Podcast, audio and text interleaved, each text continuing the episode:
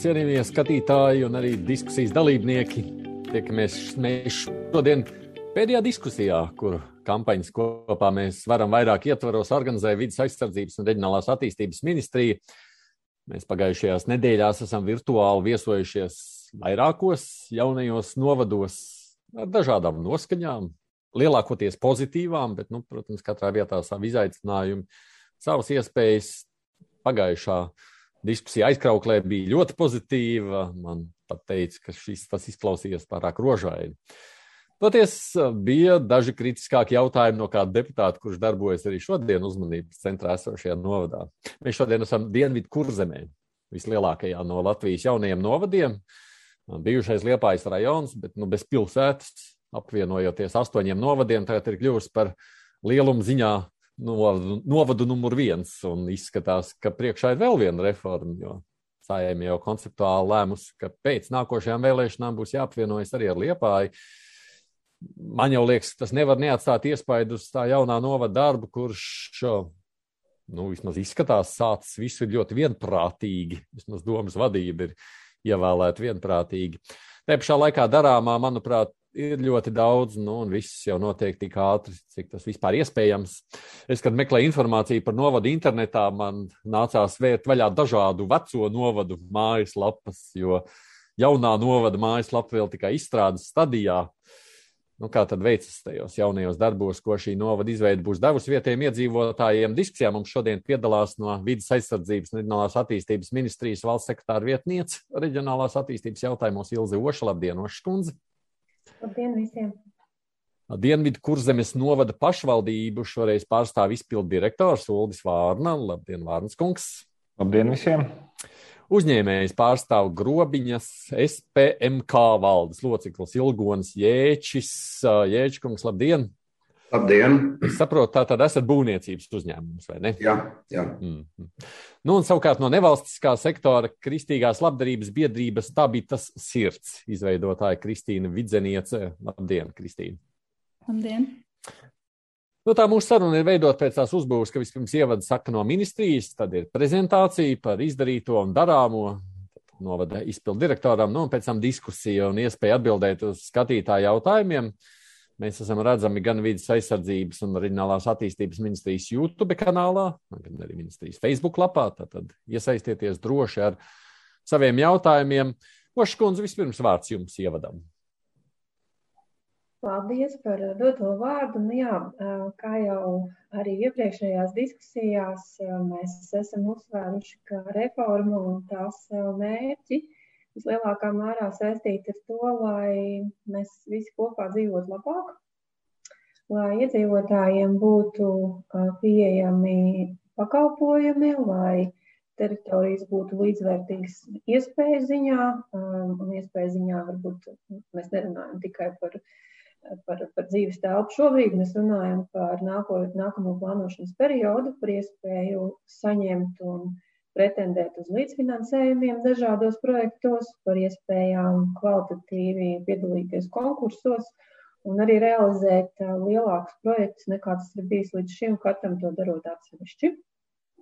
Ko mēs redzam arī šajā novadā, mēs redzam to attīstības potenciālu, tāpēc arī tas piedāvājums tika veidots.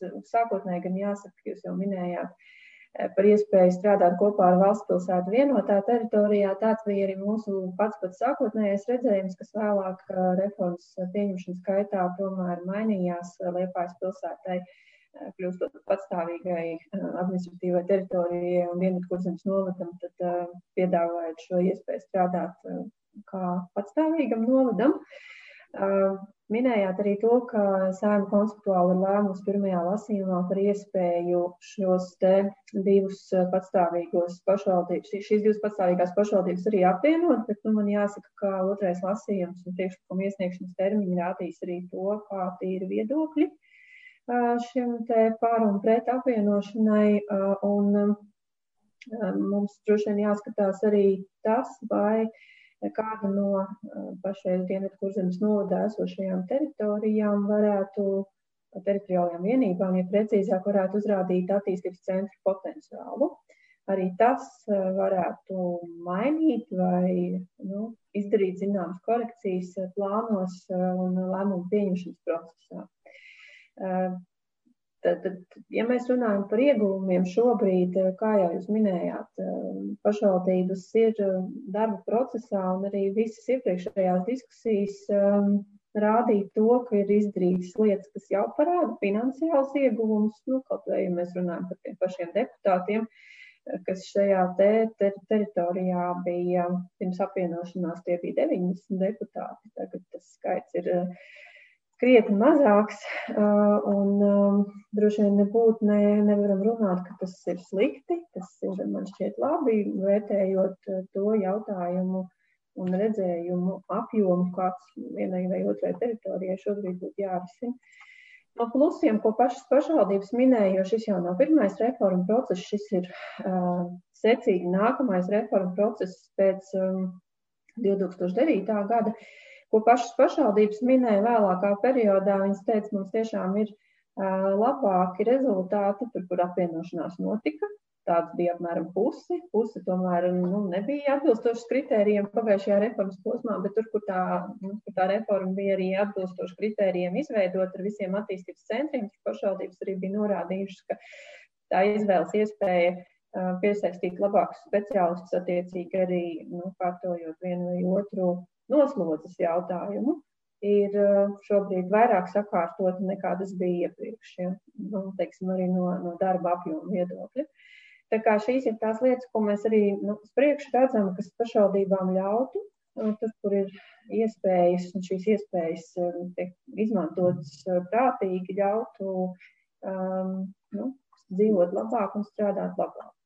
Manas minētajā projekti, um, kas arī ir viena būtiska lieta, gan fonda nākamais periods, gan arī valsts investīciju instrumenti, ko piedāvā pašvaldībām. Šeit arī nu, pašvaldībai pie noteiktām finanšu iespējām ir arī pretī saistības, jo šīs finanšu iespējas ir lielākas, jo arī iespēja lielāk uzņemties saistības un realizēt projektus, kas ir nu, nu, ne tik ļoti tādi mikroprojekti, bet jau attīstības projekti, kas patiešām uh, iedzīvotājiem ilgtermiņā ļauj redzēt pašvaldības nu, labos darbus un arī viņus izmantot savai ērtībai un vajadzībai.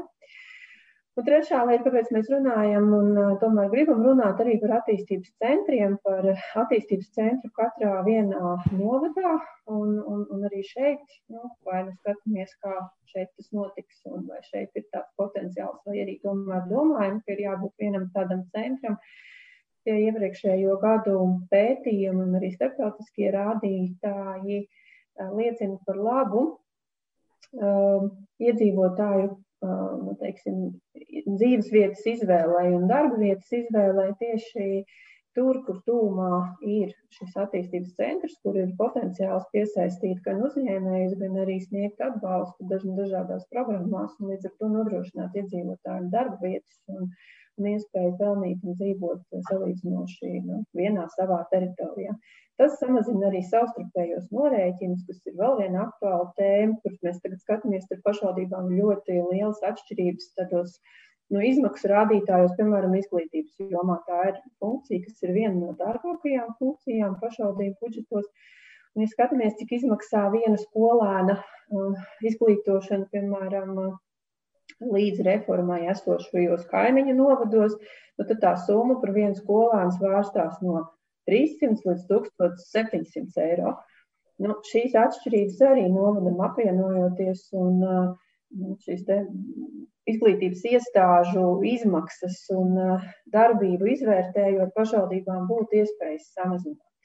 Es droši vien varētu stāstīt vēl un vēl par katru vienu lietu, ko mēs šeit redzam, kā labu un pareizu, un arī tiešām iedzīvotāju labā realizējumu arī par pabalstiem, ko mēs esam arī publiskā telpā vairāk kārt minējuši, skatāmies, ka ilgtermiņā un varbūt te atkal ir nianses, ne gluži nākamajā dienā visiem viss ir labāk, bet ilgtermiņā nu, šos pabalstus izlīdzinot, mēs redzam, ka tas tomēr ir valsts mērogā, nu, teiksim, tāds kā nevar teikt, pabalstu pieaugums, bet varētu teikt, ka tāda līdzvērtīgāka un jēgpilnāka pieeja atbalstam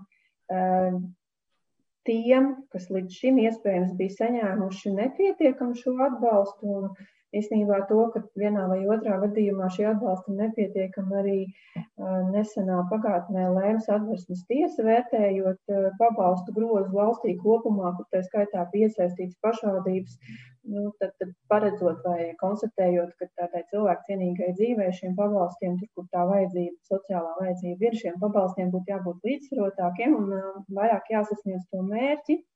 Nu, tad ir lielākām finanšu iespējām pašvaldībā un lielākām nodarbinātības iespējām, mēs pirmkārt varam tiem, kam tie pabalsti ir nepieciešami, viņus arī paredzēt, bet savukārt tos, ko mēs varam atgriezt darba tirgu to kopējo piedāvājumu, arī samazināt vajadzību pēc šiem pabalstiem. Tā tās ir tādas, nu gan beigšu savu ievadu, tās ir tādas patiešām labas lietas, ko mēs no reformas redzam, sagaidām un ko pašvaldības tur, kur jau pārskatījuši savus nu, saistošos noteikumus, patiešām arī nu, ir apliecinājušas dzīvē, ka tas tā notiek.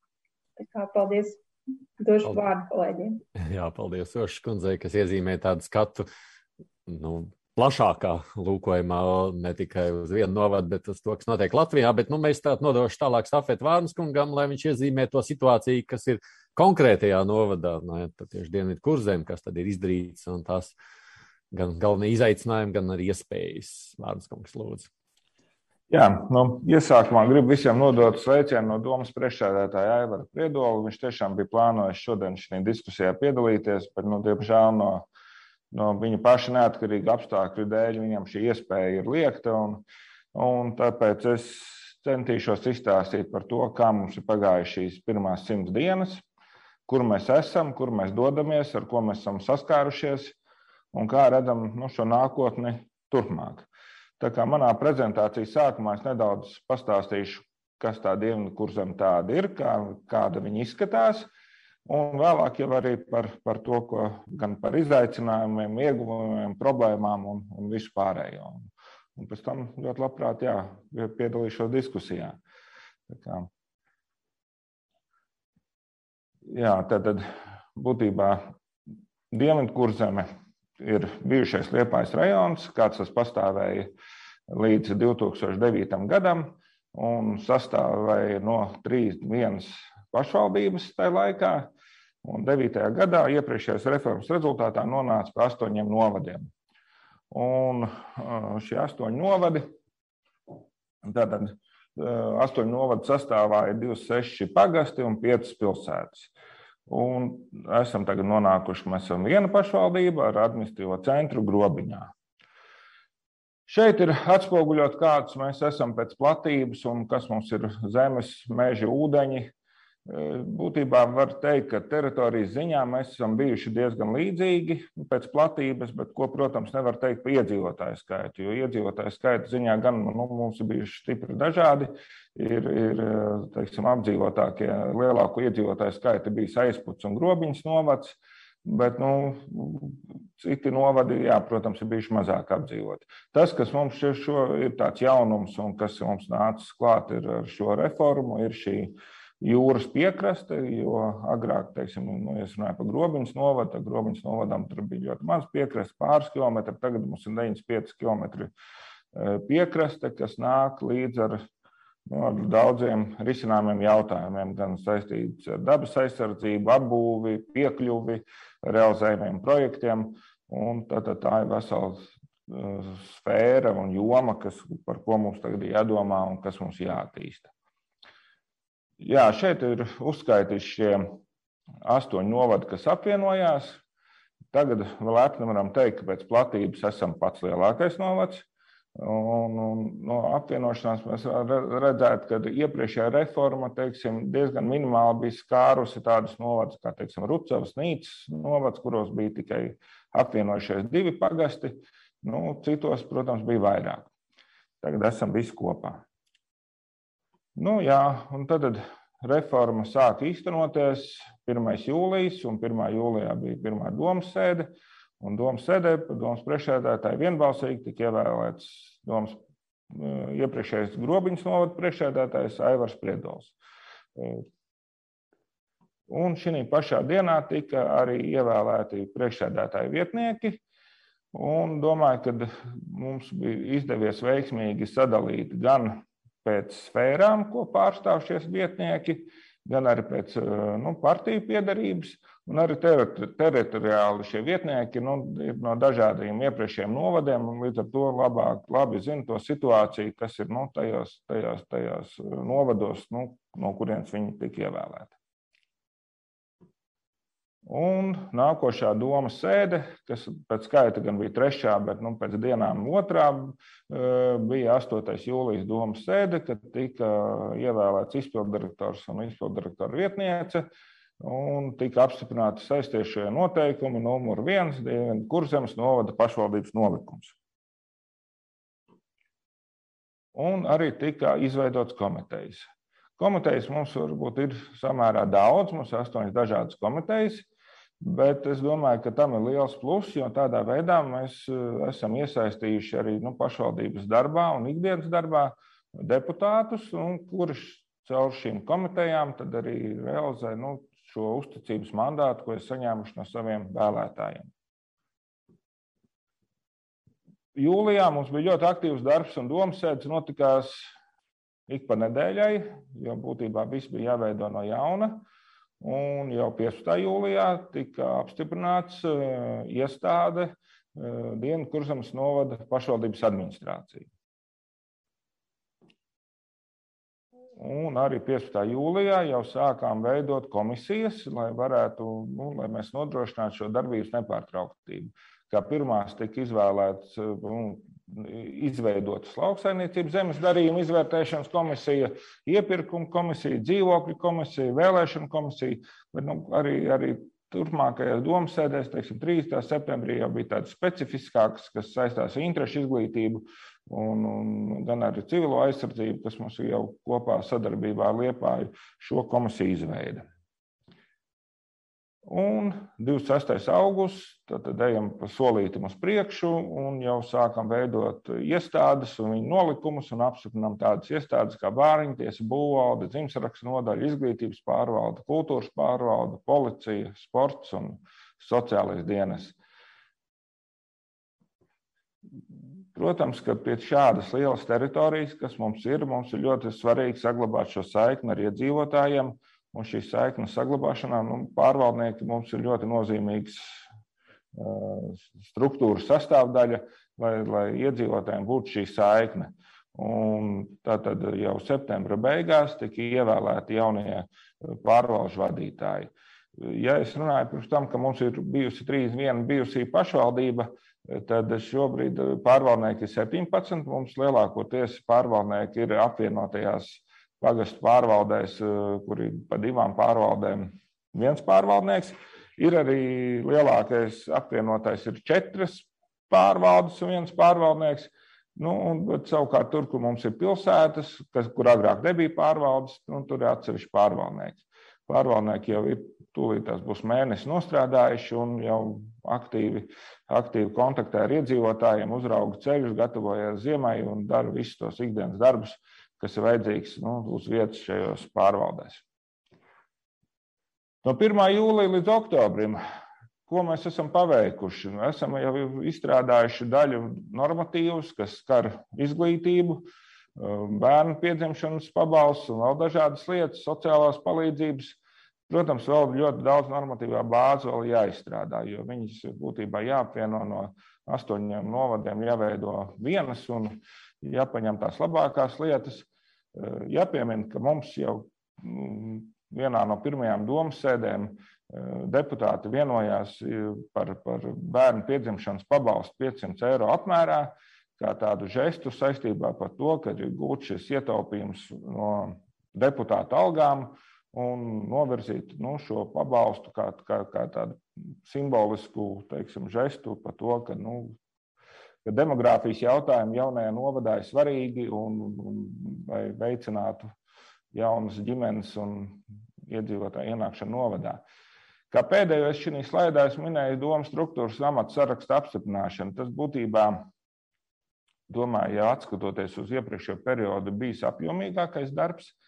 Jo izveidot jaunu struktūru un amatus, ja mums agrāk bija, mēs sākam ar 1200 darbiniekiem un veidojām viņu uz 800, un gribējām tomēr ievērot tādas vadlīnijas, lai, lai pirmkārt mums šie atalgojumi bija jānosaka un jāpielīdzina atbilstoši tam, ko mums nosaka normatīvi, atbilstoši šīm algu grupām un saimām. Otram kārtam mums bija tomēr mērķis, nu, lai veiktu kaut kādu samazinājumu, lai tomēr šie darbinieku skaits būtu samazināts un lai būtu kaut kāda optimizācija. Un arī vienlaicīgi, lai šis saglabātos konkurētspējīgs bija ļoti daudz sarunas ar, ar, šo iesaistīto nozaru pārstāvjiem par to, cik vajag darbiniekus, vai, vai kādus, vai vajag kādas apakšnodaļas, vai, vai nodaļu vietniekus, un, un kā viņus atalgot, un, un kāds būtu tas optimālais. Bet būtībā nu, tad, uh, trīs mēnešu garumā tad, tad mēs, mēs sadalījām to pa tādām grupām, pa nozarēm.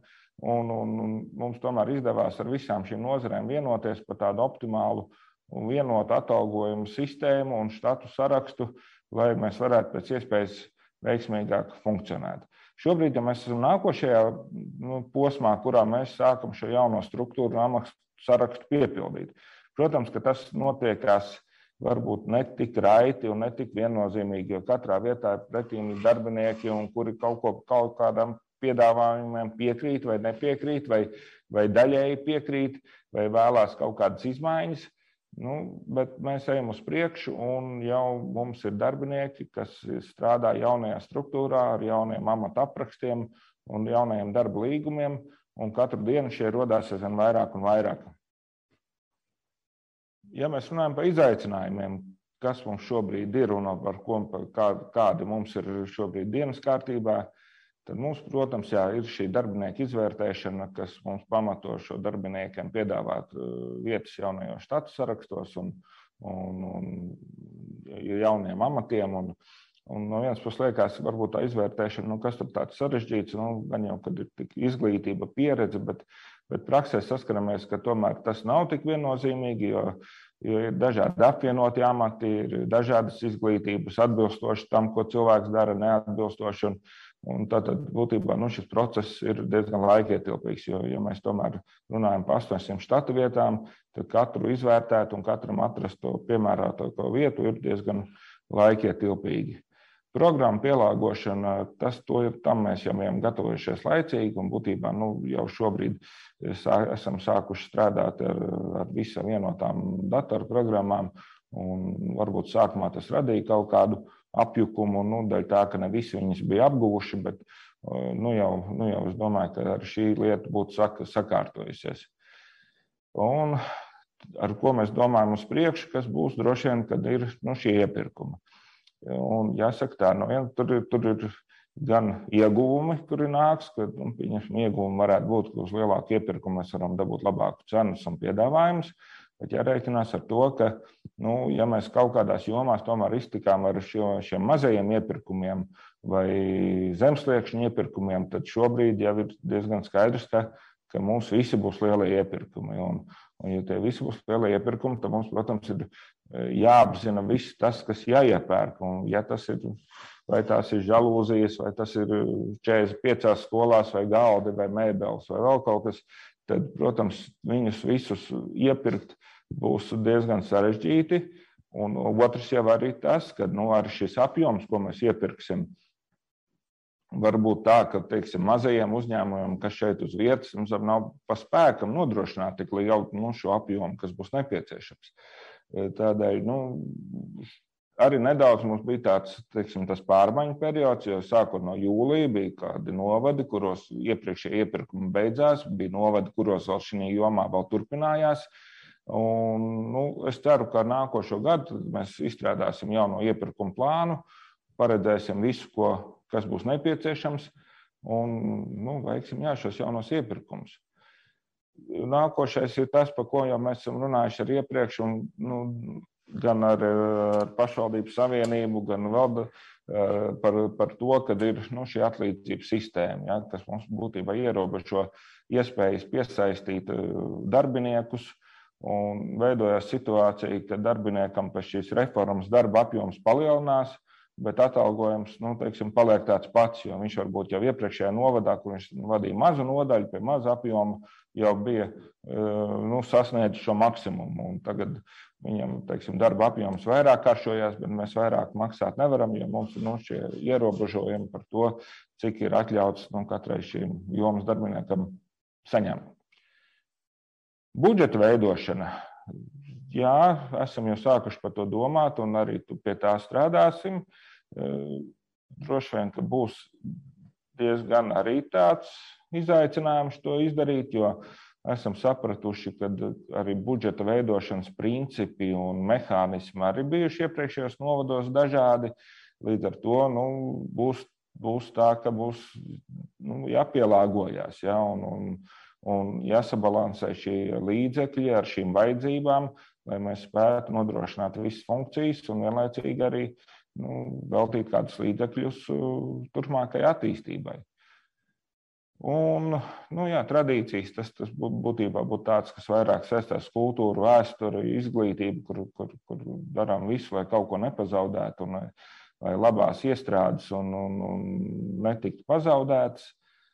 Bet nu, pa pēdējiem diviem, teiksim, kurus es gandrīz gribētu vairāk saukt par tādiem tā kā klupšanas akmeņiem, kas arī nav gluži nu, mūsu vainas dēļ, ja, un kas mums tiešām traucē šobrīd iet straujāk uz priekšu. Nu, tas viens ir šī reforma nepārtrauktība, jo būtībā nu, ir diezgan, diezgan neveiksmīgi sākt runāt par nākošo reformu pirmās desmit dienās, kad ir iepriekšējā sākus īstenoties. Un tas, protams, es šobrīd neņemos nu, teiksim, komentēt, vai, vai šis iecerētais modelis ar valsts pilsētu liepāju kopā būtu labāks, vai sliktāks, vai veiksmīgāks, vai neveiksmīgāks. Man kā izpildvarē, protams, jāsaskarās ar to, ka man ir grūti motivēt darbiniekus, nākt un iesaistīties un strādāt un veidot kādu jaunu struktūru, vai tā ir policija, vai bāriņtiesa, vai dzimsarakstu nodaļa un veltīt darbu šo jauno struktūru vienību izveidēji. Ja ir zināms šis laika nogrieziens, šie trīs ap pus gadi, un, un nu, tātad līdz ar to tas, ir, nu, tas nav ilgtermiņš, ja, un darbinieki bieži vien izvēlās tomēr mainīt uz privāto sektoru vai iet uz citu pilsētu strādāt, jo nu, tā ir tāda nenoteiktība par nākotni. Arī iedzīvotājos tas radīja zināmu apjukumu, jo Ja mēs visu laiku runājam par reformu, par reformu, un tagad īstenojam reformu, un tagad blakus iet šī informācija par nākošo reformu. Un, un ir daži, kas sapratuši, ka mēs jau esam apvienojušies ar Liepāju, un, un, un, un kā nu, arī iedzīvotāji īsti nesaprot, kas tagad notiekās, vai, vai šī ir šī reforma, vai šī ir nākošā reforma. Un, protams, arī šī E, plānošana ilgtermiņā un resursu plānošana, vai tas saistās ar kādām ēkām vai telpām vai vēl kaut kas. Nu, šie četri gadi, protams, nu, neveicina šo plānošanu ilgtermiņā. Un šis ir viens klupšanas akmens, kas mums nu, tā varētu teikt, ir tāds tā kā traucējošs. Un, un otrs, jā, nu, protams, arī šī kopējā Covid krīze mums jau var nekādā veidā nepalīdz. Jo, jo ja mēs saskaramies ar to, ka mums šobrīd būtu Daudz jātiekās ar cilvēkiem, jāpārslēdz darba līgumi un vēl kaut kas. Un šobrīd nu, ir sākusies šis attālinātais darbs, un mēs nevaram strādāt klātienē un nevaram tikties. Tas, protams, mums nedaudz arī paralizē nu, šo virzīšanos uz priekšu. Plus vēl mums jārisina par visu iedzīvotāju pakalpojumu nodrošināšanu neklātienē. Nu, jā, nu, katrā ziņā tas nav nu, veicinošs apstākļus. Un, protams, kaut kādas korekcijas ieviesīs arī 15. novembris, nu, kur, kur mēs saskarsimies, kad, kad ne tikai mēs risinām par to, kas strādās jaunajā struktūrā vai nestrādās jaunajā struktūrā, vēl mums būs, kas nestrādās jaunajā struktūrā, jo viņam nebūs šie sadarbības spējīgie certifikāti. Līdz ar to tas arī mūsu personāla politiku droši vien arī kaut kādā veidā ietekmēs, un mēs dabūsim atkal pārskatīt to, kā mēs bijām domājuši nu, šo, šo personālu teiksim, piesaisti jaunajā novadā. Nu, jā, tad būtībā šie iegūmi jau ir tādi, ka to, ko jau iepriekš minēju par, par par šiem iepirkumiem un šīs digitālās prasmes, kas ir ieviestas. Bet, ja, ja, ja atskatās uz šo laiku un ja būtu jāatbild uz jautājumu, ko mēs esam, teiksim, kas mums ir izdevies, tad mums pirmkārt, es domāju, ka tas arī nav maz, ka mums ir izdevies no 1. jūlija šo laiku nodrošināt visus pašvaldības pakalpojumus visās iestādēs un nodrošināt šo nepārtrauktību. Jo teiksim, no astoņiem novadiem apvienojoties uz vienu, nu, tomēr panākt to, lai viss notiktos, lai mēs sagatavotos ziemai, lai mēs uh, sagādātu kurināmos, lai mēs sagatavotos ziemas darbiem un lai skolas sāktu 1. septembrī. Pie šīm pārejas periodā nu, arī tas nav maz. Būtībā es gribētu teikt, ka pirmais iegūms ir tāds, ka mums nav nekas palicis sliktāk. Mums ir iespēja tikai, ka paliks labāk. Un, Un, un reforma pati kā tāda jau ir pārejas periods, kurā ir daudz jautājumu, un, un tas iegūms jau būs tad, kad tas viss būs noīstenojies. Nākamie soļi, jā, nu tad būtībā, nu, būtībā ir tā, ka nu, viens ir tiešām nu, nonākt skaidrībā, vai tad mums ir tiešām šie četru gadu periods, un tālāk ir nu, nākošais sadarbība ar ar, ar liepāju, un, un, un tas, protams, ietekmē ar mūsu nostāju pret to visu. Nu, budžets, un arī darbs jaunajā struktūrā, un, un lai, lai darbinieki iesāk, iesāk strādāt pa jaunam. Nu, nobeigt es gribētu ar, ar, ar, ar tādu Jūra Rubeņa citātu, ka dzīve ir pārmaiņas, reizēm sāpīgas, reizēm skaistas, bet parasti abas kopā. Paldies, Vārns kungam, par šo te ieskatu prezentāciju. Es klausījos un domāju, tajā visā, droši vien vispirms jāatgādina tātad visiem, kas skatās, jā, mums tā tad iespēja tā iesaistīties saviem jautājumiem. Mums jau pirmie jautājumi nāk, tā tad esam redzami gan YouTube, gan Facebook lapā, komentāriem. Varat droši jautāt. Uh, par to visu faktiski es sākšu laikam no tā, ar ko jūs visvairāk šeit arī pieminējāt, arī beigās par to lielo izaicinājumu, kas notiks tālāk. Jo šī droši vien ir tā atšķirība no visām iepriekšējām mūsu diskusijām, kurās mēs runājām par to, kā tā reforma izskatās. Te ir neskaidrība par jūsu nākotni. Ošs kundze sacīja, nu, ka tajās diskusijās, kas šobrīd saimā notiek, nu, vai tur varētu būt kāds cits centrs, kurš nu, no tā esošajiem jau jums varētu izveidoties kā tāds attīstības centrs. Un es ar to īstenībā sākšu. Jūs, Vārnskungs, vispār redzat kādu citu centru, jo šobrīd jau nu, tā centra biedrs vispār nu, gribēja negrib notiek uz Liepāju, vai ne? Nē, nu, ja mums ir administratīvais centrs grobiņa, nu, pieļauju, ka varbūt attīstības centrs grobiņa. Nu, kā, nu, es domāju, ka mēs spējam nodrošināt visas pašvaldības pakalpojumus un esam tikuši ar visu galā līdz šim un droši vien, ka varam tikt arī turpmāk. Mm, tā kā redzētu to kā grobiņu, kā konkurentu liepājai, apmēram tāds izklausās. Nē, nu, konkurenti, nē, sadarbības partneri. ja es pašu aizdomājos, Jēčkungs, ja drūks sāksim ar jums mazliet, jūs redzat liepāju kā, nu, kā, nu, nu, nu, kā iespēja alternatīvu, jo šis ir jautājums, kas tālāk notiek, vai ne? Nu, alternatīvu grūti pateikt, vai tā alternatīva būtu. Protams, tā, tā centra tiece jau ir uz, uz centru, un Latvija nav unikāla. Vai tā ir Francija, Spānija, izrādās arī Japāna. Visi jau cilvēki pārvietojās no laukiem uz pilsētām. Man pat ir grūti pateikt, vai Liepa ir tā pilsēta, kas ir tas centrs, uz kurien pārvietoties, ja tā ir Rīga, ja vēl kaut kur tālāk. Jā. Nu, tas ir skaidrs, jā, bet nu, tā tāda pakalpojuma sniegšanas ziņā jau nu, tas ir attīstības centrs. Nu, tos, protams, tas nav Latvijas mērogā, tas ir tādā vietējā jūsu dienvidu kurzemes mērogā skatoties. Jā, protams, ir nu, ļoti daudz brauc strādāt uz Liepāju, tas jau ir kā ir. Bet tā pašā laikā, nu, ja pieņemsim, manā uzņēmumā strādā kaut kāds simt cilvēki, tad nu, apmēram pusi ir Liepājnieki. Tā kā nevarētu teikt, ka tikai nu, brauc visi uz Liepāju, bet arī brauc no Liepājas ārā strādāt. Bet eh, nu, konkurēt, protams, ar, ar, ar Liepāju, nu, jā, pakalpojumi liela daļa tiek sniegta. Tur, ja, tur ir kultūras uh, iestādes, tur ir, ir, ir, ir ražošana, tur ir sports, viss jau ir Liepājā. tā, tāds fakts jau nu ir. Nu jā, Vidzinieks kundze, nu jūs skatu punktu to skatoties.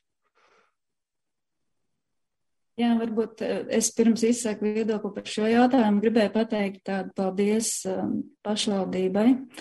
Uh, šodien domājot par to, ka uh, ņemot vērā tos ārkārtas apstākļus, kuros mēs visi esam, un ņemot arī vērā šo reformu, tas viss kopā varētu būt diezgan stresaini un sarežģīti. Un, un kaut kā bija sirdī nodot paldies arī pārstāvot varbūt kaut kādu cilvēku loku Um, bet um, runājot par centriem un par liepāju, uh, tā mums kā organizācija varbūt tas, uh, mums jau ir šobrīd sadarbība ar liepāju un uh, mums tas varbūt neko daudz nemainīt, bet ja skatās, kam tās organizācijas varbūt ir tieši domāts, ja viņas pārstāv kaut kādu cilvēku loku, kaut kādu grupu, un uh, cilvēku, kur atrodas ne Liepājā vai pilsētā, bet uh, novada mazākās pilsētiņās vai, vai uh, rajonos, tad noteikti tur jau ir labi, kad ir pieejama. Ja es pārstāvu tieši NVO, ja, ka tur ir labi, ja ir šīs mazās grupas, mazās kopienas, kur cilvēki var būt piederīgi, noderīgi un kopā darboties uh, pašvaldības arī labā. Un ja viņi atrodas, piemēram, cilvēka aizputē, tad, uh, nu, tas, uh, manuprāt, ir uh, gan, gan ir savas pozitīvās lietas, gan, protams, arī kaut kādi zaudējumi tam visam. Es, es ar to iesākošu, kundze, tāpēc, ka no vienas puses šis ir, es pieļauju, šajā novadā viens no tiem jautājumiem, kas ir aktuālais jautājums. Jūs teicāt, ka var būt jautājums par kādu citu iespējamas attīstības novadu. Es no tāda viedokļa to prasu, ir iespējas izveidot nu, kaut kā nu, ne mākslīgi, bet nu, kā, ir divi varianti. Tātad tas centrs gribēja, negrib ir, un tie ļaudis jau uz to pusi tiecas un plūst, un nu, tad ar to vienkārši tā, to realitāti pieskaņo klāt, otra pusi mēģināt. Nu, mēģināt tādā apzinātā veidā pagriezt plūsmu citā virzienā. To vispār reāli izdarīt, ir par to vērts runāt. Tā, um, varbūt atbildot tā vispārīgi, mēs jau zinām, ka plūsmas pagriež citā virzienā, tad kaut kas aplūst, un to mēs vairs neredzam, un tas nav jauki. Bet, ja nopietni, tad nē, mēs neesam plānojuši mākslīgi veidot vai piedāvāt mākslīgi veidot kādu centru tikai tāpēc, lai viņš būtu. Tas, kā mums Un man šķiet, arī būsim labi sagatavojušies. Mums ir, um, tad, kad reformas likumu pieņēma, pārējais noteikumos likumdevējs mums uh, lūdza līdz nākamā gada 1. maijam izvērtēt attīstības centru potenciālus kā tādus uh, visās tajās teritorijās, kur šobrīd viņi nav. Tas ir, tie ir visi, ja mēs tā varam saukt, iegulošie novadi pie pašreiz uh, esošajām valsts pilsētām, netika veikta apvienošanās. Eh, un tas ir arī sauprastu eh, gadījums, kur arī nav attīstības centra. Un tad nākamā gada maijā uh, ziņot, attiecīgi, ministru kabinetam bija uzdots ziņot saimai par to, kāds tad ir iespējamais šo centru potenciāls, vai vispār ir šajās teritorijās tādi un kas tie varētu būt. Tas pie kā tagad strādās, un uz gadu beigām ir tāds uh, saprātīgs kritēriju kopums, lai no dažiem dažādiem aspektiem izvērtētu, kurā teritorijā vai teritoriālajā vienībā šāda centra potenciāls ir saskatāms gan no iedzīvotāju aktivitātes, gan no kultūras pasākumu viedokļa, gan no uzņēmēja darbības, gan no, ko mēs redzam, arī patēriņa viedokļa. Daudz un dažādi tie kritēriji tur veidotu mūsu ieskatā šobrīd to, to redzējumu, kurus tad saliekot kopā, būtu jāsaprot, ka šie ir kritēriji, ja tie izpildās, tad tai konkrētai vietai ir potenciāls būt attīstības centram savā tajā teritorijā. Un, tāpēc arī es teicu, ka viens no iespējamiem variantiem varētu būt, ka saimnieks bija jautājumi par to, vai Dienvidu kurzemes novadā pašlaik, nu, tad tuvākajos četros gados, ir redzams kāds attīstības centra potenciāls atgrieztos tad, kad tas ziņojums um, ar izvērtējumu saimā tiktu prezentēts. Un uh, tad tas jautājums varētu tikt skatīts kontekstā ar tiem rezultātiem. Bet tas, ko es vēl gribēju varbūt pieminēt, ja reiz tiku pie vārda, mums gatavojot reformu bija arī tā saucamie profili, kas raksturo iedzīvotāju migrāciju arī apvienojumos novodu, novados un arī uh, nu, nodarbinātību. Un man jāsaka, ja mēs skatāmies uz Dienvidkurzemes novadu, tad um, ļoti labs rezultāts par to, ka saviem cilvēkiem darba vietas var nodrošināt uh, nu, ļoti augstā procentā salīdzinoši Dienvidkurzemē bija tieši aizpūtas novadam. Tad, tad tur uz vietas strādāja 55% no kopējās tā novada iedzīvotājiem, savukārt uz Liepāju brauc strādā tikai 10%. Tā, kā, nu, teiksim, tā, tā, tā nodarbinātība un spēja dot cilvēkiem darbu tuvāk tur, kur viņi dzīvo, arī ir viens svarīgs nosacījums statistikas centra potenciāla vērtējot. Te, protams, var minēt arī, arī, arī citas teritorijas. Grobiņā ir 41%, kas uz vietas strādājas tajā laikā, kad tika skatīts jautājums un vērtēts, un priekulē ir 51,6%. Bet nu, tur tā tiec uz liepāju abos divos gadījumos ir pie, pie 20%. Kā, Šo to jau, protams, nosaka geogrāfija, bet arī no Lauras Pakalas krutas jautājums ir Vārns kungam. Ko te jūs, kāds ir tas jūsu redzējums, ja runā par to, ka pēc trīs ar pus gadiem tas būtu viena kopēja administratīva teritorija ar Liepāju? Kāds ir? Nē, nu, kā jau es teicu, nu, teiksim, es vai, vai teiksim, mūsu apvienošanās liepāju, ja, nu, teiksim, kāds būtu tas modelis un kā mēs varētu sadarboties. Vai tas varētu būt veiksmīgāks nekā dienvidkurzem atsevišķi. Tā, protams, ir tāda nu, izvērtējama lieta. Un es, es pat nu, teiksim, neņemos viennozīmīgi pateikt, ka, nu, kad, nu, teiksim, kad, nu, ja iedzīvotājiem pēc tam ir labāk un veiksmīgāk, nu, mēs jau varam par to runāt un diskutēt. Vienkārši šobrīd vairāk ir par to, par šo periodu, kas ir tagad. Ja, ja mēs šobrīd esam nonākuši nu, tādā nu, pārmaiņu virpulī, ja, jo nu, nebūtu nav viegli apvienoties astoņiem novadiem, ja nebūtu nav viegli mums pierunāt kādus nozaru līderus, teiksim, uzņemties kādu nozari vadīt un attīstīt. Un šeit jau ļoti liels nozīme motivācija. Nu, cilvēks ir motivēts kaut ko veidot, izveidot labu, uh, ilgtermiņā veiksmīgu, vai tā ir policija, vai tie ir policijas iecirkņi, vai tas ir dzimšanas modelis, vai vēl kaut kas. Mums ir šobrīd nu, cilvēki jāmotivē. Ja? Un tas, kas ir, tad būtībā nu, es, es teiktu, es nekomentētu to, vai kopā liepā mums labāk vai sliktāk. Es tiešām nu, neesmu redzējis tādus izvērtējumus, un neesmu redzējis tos modeļus, un, un katram tur droši vien ir savs viedoklis. Uh, Es gribētu teikt, ka šo, šis periods, kurā mēs tagad esam, ka mēs kaut ko veidojam, darām, teiksim, gribam iztaisīt labi priekš iedzīvotājiem, priekš pārvaldības labi un veiksmīgi, un viss tas pārējais, tad, protams, ka šobrīd tie četri gadi nu, tādi uzliek tādu, nu, tādu diezgan tādu īsu distanci. Ja? Nu, diez vai pēc kaut kādas racionalitātes ir, ir, ir nu, teiksim tā, nu, To mēs visi redzam un paredzam. Ja? Nu, tā, nu, par to tikai. Nu, vai būs labāka liepa? Es nezinu, varbūt, jā, nu, varbūt kaut kas labāk, kaut kas sliktāk. Nu, to, jau, to, to, to mēs varam modelēt un paredzēt, bet pa lielam mēs to sapratīsim tikai tad, kad tas būs noticis. Ja? Nu, kā, kāda būs šī kopā būšana? Ja? nu, mazliet nāksies šoreiz tādā īsākā distancē runāt, tāpēc šoreiz atšķirībā no varbūt tām iepriekšējām diskusijām, bet skatoties pat šajā īsākajā distancē, nu, vienalga tie tas virziens jau ir šobrīd uz apvienošanu, nevis uz dalīšanu. Ja drīkst, es Iečkungam vispirms jautātu, jo jūs jau saprotu, esat ne tikai ja, būvniecība, jūs esat arī biedrības grobiņas novada uzņēmēju klubs dibinātājs, vai ne? Tā ir. Jā, tā, tā ir gan klubs ir dibināts jau 9. gadā. Toreiz viņš bija grobiņas, novada, fu, novada, grobiņas uzņēmēju klubs bez vārda novada. Nu, protams, tad, kad apvienojās ja, tie pēc 9. gada tās reformas, kad izveidojās jau tad novads, tad eh, mēs kļuvām par Grobiņas novadu uzņēmēju klubu. Nu, un pašlaik eh, nu, būtu jāplašās tālāk. Nu, mēs gan vēl ar vienu skaitāmies kā juridiskā grobiņas novada uzņēmēju klubs ar tādu nosaukumu, jo, godīgi sakot, tas vārds dienvidu kurzem kaut kā mazliet griež ausīs un, un, un, un, un mēģināsim vēl kād, kaut kā savādāk izdomāt to nosaukumu.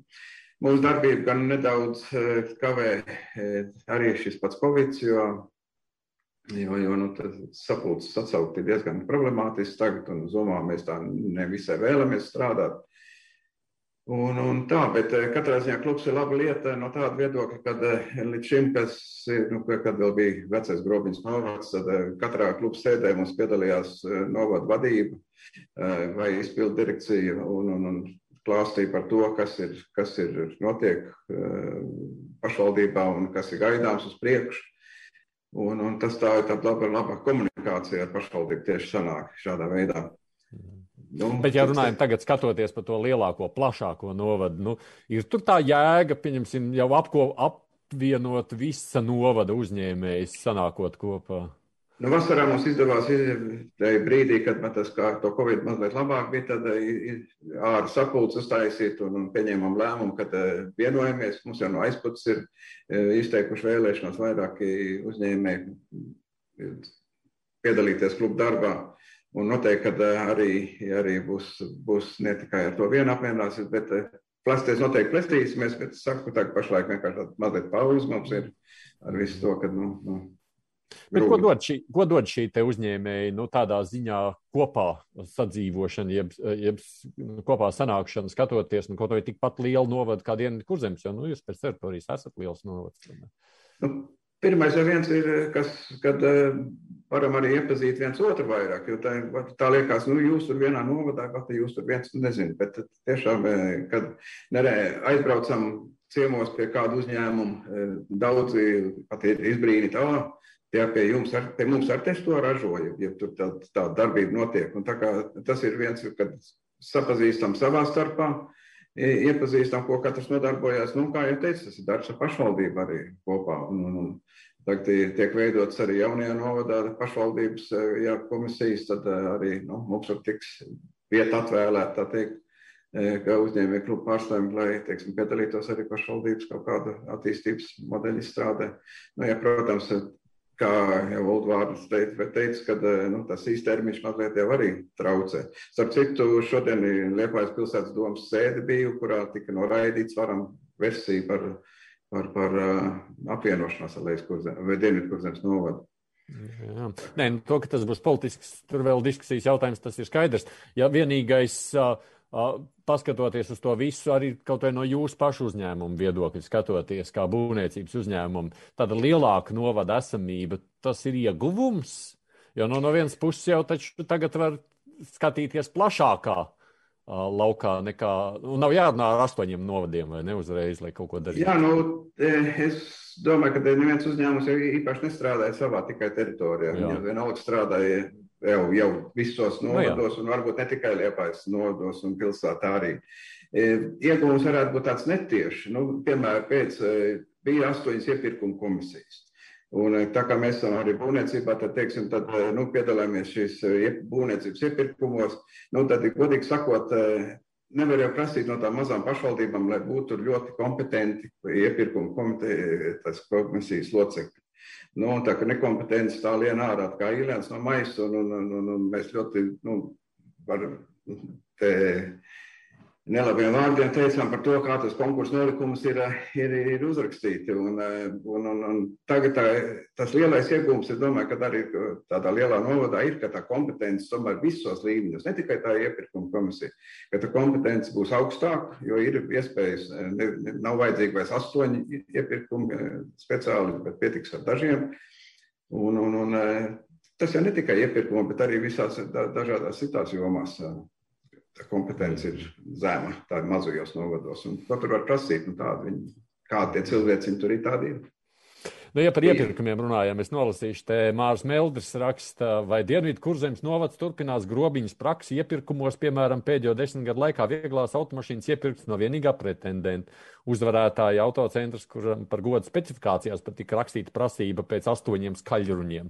Nu, sakot, nu, ka tās aizdomas par tiem iepirkumiem bija iepriekš, un līdz ar to nu, es saredzu jau šobrīd skepsi arī tagad. Bārnas kungam tas gan drīzāk jāatbild. Nē, nu, es gribētu teikt, ka tas tāds jautājums, kurš ietver sevi apgalvojumu un un mēs nekad neesam rakstījuši iepirkumu pa labu kādam piegādātājam. Tā kā, nu, bet laikam ir tāds uzskats. Tad, jā. Jā, Neesam bet... darījuši līdz šim un nedarīsim ar turpmāk. Nu, labi, es šeit, protams, tajā diskusijā to nevaru nedz apstrīdēt, nedz diskutēt par to, jo man jau nav tās iespējas, nedz zināšanas šobrīd, bet skatoties par to kaut vai kompetenci, ko sacīja Ječkungs, tā ir iespēja lielāka šobrīd nekā iepriekš. Bārnskungam tas jautāja. Nu, tādā ziņā piesaistīt speciālistus. Jā, par speciālistiem, jā, nu, protams, tā speciālistu piesaiste nu, šobrīd ir tā tā tēma, kas mums ir pati aktuālākā. Ja? Un šeit es, kā jau es teicu, lai mēs piesaistītu tos labākos speciālistus. No vienas puses liekas, ka mēs esam no astoņiem apvienojoties, mums jau būtu jābūt tiem resursiem lielākiem un atlikt tikai izvēlēties tos labākos. Bet, bet nu, šeit ir divi apstākļi. Ja? Viens, saku, viens par to, ka nu, šī atalgojuma sistēma tomēr ir tāda, kas mūs iegrožo tiešām labiem speciālistiem maksāt nu, lielākas algas, jo Jo šī situācijā mums tiešām ir nodaļas un iestādes, kas ir palikušas nu, lielas, nu, pat ļoti lielas, kur vairāk par simts darbiniekiem, un šīs atalgojuma sistēmas tomēr neļauj nu, šobrīd lielākus šos atalgojumus, nu, jo kā lai tos cilvēkus motivē. Ja? Nu, nu, otrs, protams, ja, nu, lai mēs piesaistītu pašus labākos speciālistus vai noturētu viņus, nu, nu, arī šis, jā, nu, šis to, ko mēs jau apspriedām. Tas, tas stāsts par apvienošanos liepāju e, nu, arī īpaši nemotivē. Ja nāk strādāt uz dienu kurzemī, lai pēc četriem gadiem nonāktu jaunā pārmaiņu virpulī, kurā nu, nav zināms, vai būs tā darba vieta vai nebūs. Vai, vai, nu, tā. Sakot, Ečkungs, tas jūsu cerības ir tāds, zinām, jautājums zīme. Nē, nu, mēs darām visu, un mums ir labi speciālisti. Mēs, jau, protams, izvēlamies un vērtējam pašus labākos. Es varbūt vairāk runāju, kas mums šobrīd bišķiņ, nu, traucē un ierobežo. Bet uh, es domāju, ka mēs jau nav tā, ka mums nav speciālistu vai labu speciālistu. Savukārt, skatoties par to sadarbību no NVO sektora, Vidusnieces kundzei, tas jautājums nu, jums arī redzat to iegūmu, ka nu, tagad, jo es saprotu, jūs varat nedarboties tikai vienu novadu, iepriekš vienu novadu teritorijā, vai ne? Jūs teicāt, ka jums jau tā sadarbība jau iepriekš bija plašāka. Tā ir. Jā, nu tā pamatsadarbība mums bija ar vietējo grobiņus novadu. Un arī visciešākā saikne mums būt, bija tieši ar grobiņus novadu sociālo dienestu un bāriņu tiesu un projekts arī rakstījām savā novadā. Um, bet tas mums paliek tādā ziņā, mums tā ir priekšrocība. Varbūt mums nav jaunu sev kaut kā jāapliecina, jāpierāda, jāpastāst par sevi. Mums jau tā sadarbība ir un ļoti laba. Bet, um, ja domājam tā plašāk, jā, mēs esam centušies um, palīdzēt uh, cilvēkiem mūsu novadā Liepājā, arī kādās citās blakus lielākās pilsētās. Ir bijusi sadarbība ar Vaņodi, ar priekuli, ar uh, saku, te Pāvilostu, jā, bijušu uh, novadu. Um, Bet um, tagad mēs tā skatāmies, tā kā mums, kā organizācijai, tā, tā vēlme ir, uh, lai mums, mēs palīdzam arī tīri ar, ar, ar apģērbu, ar, ar, nu, ar kaut ar palīgu līdzekļiem un, un tādām praktiskām lietām, arī ar pārtiku. Uh, tad um, mums vienmēr ir bijis tas skatījums, lai mums tās lietas iet uh, lietā, lai viņas nestāv kaut kur noliktavā. Tāpēc, paplašinoties tam novadam, protams, mums, mēs skatāmies uz to, kā vairāk mēs atkal varam palīdzēt no citiem cilvēkiem tālāk.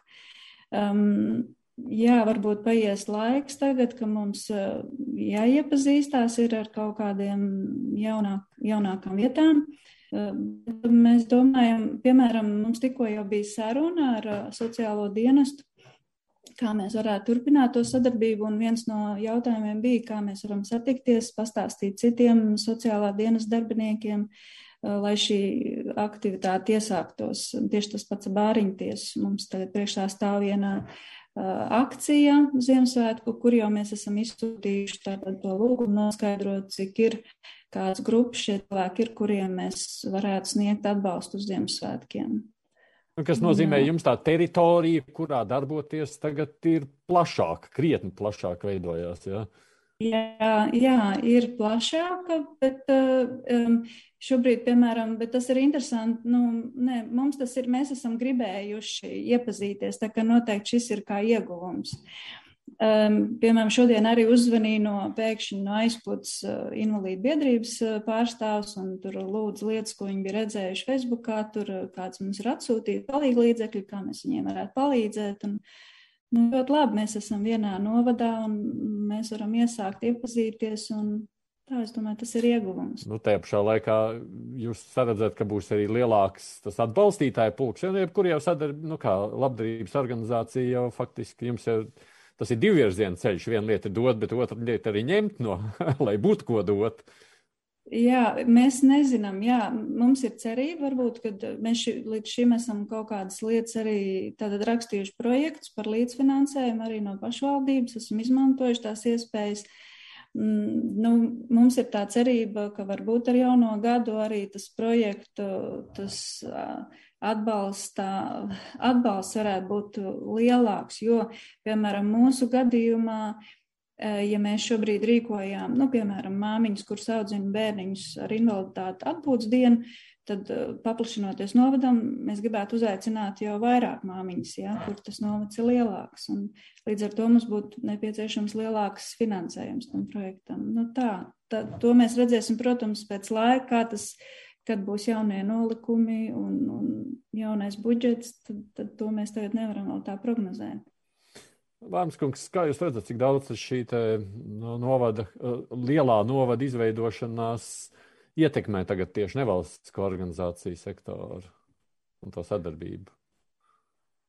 Es domāju, ka kad, nu, mēs darīsim visu, lai šī sadarbība ar šīm nevalstiskām organizācijām paliktu tikai labāka un stiprāka. Mēs vienmēr esam šīs nevalstiskās organizācijas eh, nu, saskatījuši kā kā savus sadarbības partnerus un, un tieši iedzīvotāju, kā iedzīvotāju pārstāvis vai kaut kādu grupu pārstāvis. Un domāju, ka nākošajā arī budžetā paredzēsim ar kādus atbalsta mehānismus no nu, šīm nevalstiskajām organizācijām un ar viņiem īstenosim ar kādus kopējus projektus. Skatos tas, ko ļaudis te raksta šobrīd, runājot par uzņēmējiem savukārt. Iespējams, ka es papriekš Ečkungam lūkšu to komentēt, un tad Vārns kungam. Kā tad uzņēmējiem pieteikties uz sadarbību ar jauno Dienvidu kurzemes novadu, prasa šeit Sokolovska kungs, rakstot, ka šobrīd dzirdu ļoti lielu neapmierinātību, ka vietējie novadu uzņēmēji tiek izstumti no sadarbības turpināšanas, un viss tiek tikai grobiņai. Vai taisnība, ka situācijā, kad vietējām kultūras namam skolai bērndārzam vajag skrūt, tad jābrauc uz depo, vajag griezt tos ziedus, jābrauc uz grobiņas dārzniecību. Nu, tādā sakot, kad uh, no tās bažas, no tās centralizācijas. Kā vispār jūs veidojaties? Es pirms Iečkungam prasu, vai, tā, vai jūs arī šīs bažas saklausāt vai saredzat? Nu, tā man ir pirmā dzirdēšana, ka pirmā, jā. Kaut kā, jā, tāda, tāda lieta, un katrā ziņā es vairāk par būvniecību esmu tā kā, nu, būvniecībā jau tur neko vispār tādu es nedzirdēju, ne, ne, ne arī būtu iespējams, jo tie iepirkumi jau tiek sludināti ārā. Nu, kas attiecās uz naglām, uz krūvēm, nu, nezinu, var jau būt, kad, bet tiešām nezinu, man grūti komentēt, neesmu dzirdējis, ka kāds tiktu izstumts. Okay. Tad tas jautājums tad ir Vārnas kungam, kā tad uzņēmējiem pieteikties uz sadarbību ar jauno domu? Es gribētu teikt, ka no šī brīža skatoties, tās varētu būt bažas par nākotni, nevis tagadni. Jo šobrīd, no 1. jūlija, būtībā eh, visi novadi, kas apvienojās, strādā ar tiem saimnieciskajiem līgumiem un iepirkumiem, kas viņiem bija līdz šim. Un jaunā iepirkuma komisija jau vēl nevienu eh, tādu, nu, tādu lielu centralizētu iepirkumu par šīm sfērām vēl nav veikusi. Un, un varbūt tās ir bažas, kas būs nu, teiksim, turpmāk. Bet, eh, protams, jā, tas varētu savā ziņā ievest kaut kādas korekcijas par to, ka, nu, ja bija kādreiz šie mazie iepirkumi, kuros nu, pieteikties bija vienkāršāk un nu, varbūt vietējiem uzņēmējiem startēt, ka tagad mums būtībā, lai nenotiek iepirkuma dalīšana, mums būs visi apjomi jāliek kopā un varbūt, ka, nu, ka, ka ja tas apjoms būs tik liels, tas varētu ietekmēt kādus mazos Uh, uzņēmējs no iespējām nu, teiksim, viņos startēt un piedalīties. Nu, tā, tas, tā, tā varbūt varētu notikties, bet es negribētu to saistīt ar grobiņu, ka tas būtu, tas, es domāju, viss kopā, nu, jo mums vienkārši apjomi ir daudz lielāki, ja mēs kaut kādās sfērās līdz šim varējām vispār iztikt ar zemsliekšņu iepirkumiem un, un, un, tiešām nu, kaut kā tā kā, nu, tad, jā, mums būs visi, visi jāapvieno vienotos iepirkumos. Nu, ja es pareizi saprotu, pats par sevi jau Oškunds, ja runājam par apjomiem, tas, ka tie ir lielāki, tas jau ir tas mērķis, vai ne, ja runājam par šo reformu? Varētu būt labākas cenas uz lielāku apjomu, bet varbūt, ka nu, tiešām ka tās labākas cenas nu, iedod pieņemsim kāda Rīgas uzņēmēja vai vēl kaut kas no tā. Nu, tas viss mm. notikt. Oškundze, komentēsiet šo par to apjomiem un par to lielākajām, labākajām cenām? Uh, nē, man liekas, ka uh, kopumā jau to, ko mēs minējām, apstiprināja mūsu diskusija arī, arī vairākos aspektos, gan par speciālistiem un uh, kompetenci, ko minēja Jēčukungs, kas ir svarīga vienmēr strādājot un piedaloties dažādos uh, publiskā sektora pasākumos un saņemot pakalpojumus. Bet man liekas, ka tas, ko nepieminēja, bet ko, ko mums šķiet jāsaka ieguvumi, ir tiešām uh, sešos, astoņos iepirkumos piedalīties arī administratīvais sloks ir krietni lielāks uzņēmējiem, un droši vien arī daļa izmaksu ir lielāka nekā tad, ja nu, startēt uz vienu iepirkumu un uh, gatavoties tam. Tas droši vien arī ir, ir, ir vēl viens iegūms, ko, ko mēs varētu atzīmēt un, un teikt, ka tas ir pozitīvi kopumā. Iespējams, ja par tām baumām, ja par tām šaubām, kas ir dienvidu kurzemē, te, kā raksta Saklaus kungs, tā, tā problēma ir iekšā informācijas trūkuma, jo šobrīd nav sava paša mājaslapa. Un tad tas informācijas trūkums, kas notiek novadā, kādas aktualitātes, kā tiek pieņemt lēmumi, kā pieteikties uzņēmējiem uz atklātiem konkursiem, tāpēc arī rodas daudz baumu un spekulāciju, kā veidojas, ja tiek organizēts darbs jaunajā novadā, un tas līdz ar to nerada to uzticēšanos. Kas ir ar to mājaslapu, kad tad jums būs? Jūs esat, es arī, tad, kad meklēju, gatavoties šai informācijai, šai, šai diskusijai, es vandījos pa dažādām lapām, es neslēpšu, lai mēģinātu vispār saprast, kas pie jums notiek. Jā, nu, jaunā mājaslapa mums nav, un tur ir tā ir procesā, un mēs darām visu, lai pie viņas nonāktu. Bet savukārt mums ir joprojām darbojās visas astoņas iepriekšējās novada mājaslapas. Mēs viņus neesam pametuši, mēs viņās liekām informāciju. Mums ir uh, Facebook konti, mums ir uh, dienu kurzemes avīze, kas iznāk. Nu, mēs darām visu, lai šī informācija nonāktu nu, pa aktualitātēm publiski. Un, Bet katrā tajā un, lapā, es uzreiz saku, katrā tajā lapā, kurā tā informācija ir, Katrā bija kaut kas citādāk, un man mēģināt ap, uztaisīt kopējo bildi, vajadzēja vērt vairākas lapas vaļā. Nu, es... tā, tā tas diemžēl ir, bet nu, mēs taisīsim vienu kopīgu, un, un tur ir vairāki ceļi ejami, vai mēs, nu, ir šīs valsts tā standarta, tā kopīgā mājaslapa, vai, vai, vai, vai šī personalizētā, un, un abās divās ir diezgan lieli tie termiņi, ko mums ir piedāvā, jo ir tā situācija izveidojusies, ka ne, neba mūsu dienvidu kursam ir vienīgā, kuriem vajag izstrādāt jaunu mājaslapu. Tādi ir vēl bez mums. 30 novadi, un līdz ar to mēs esam kaut kādā veidā sasprūduši pie šiem mājaslapu izveidotājiem. Nu, mēs kaut par to, ka e, tie termiņi diezgan. Mēs, mēs būtu priecīgi, ja tie termiņi būtu, protams, īsāki.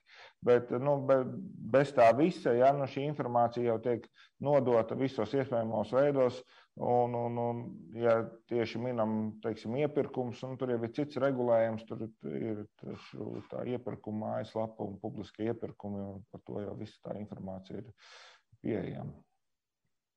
Mm -hmm. Skatos, vēl ko ļaudis raksta.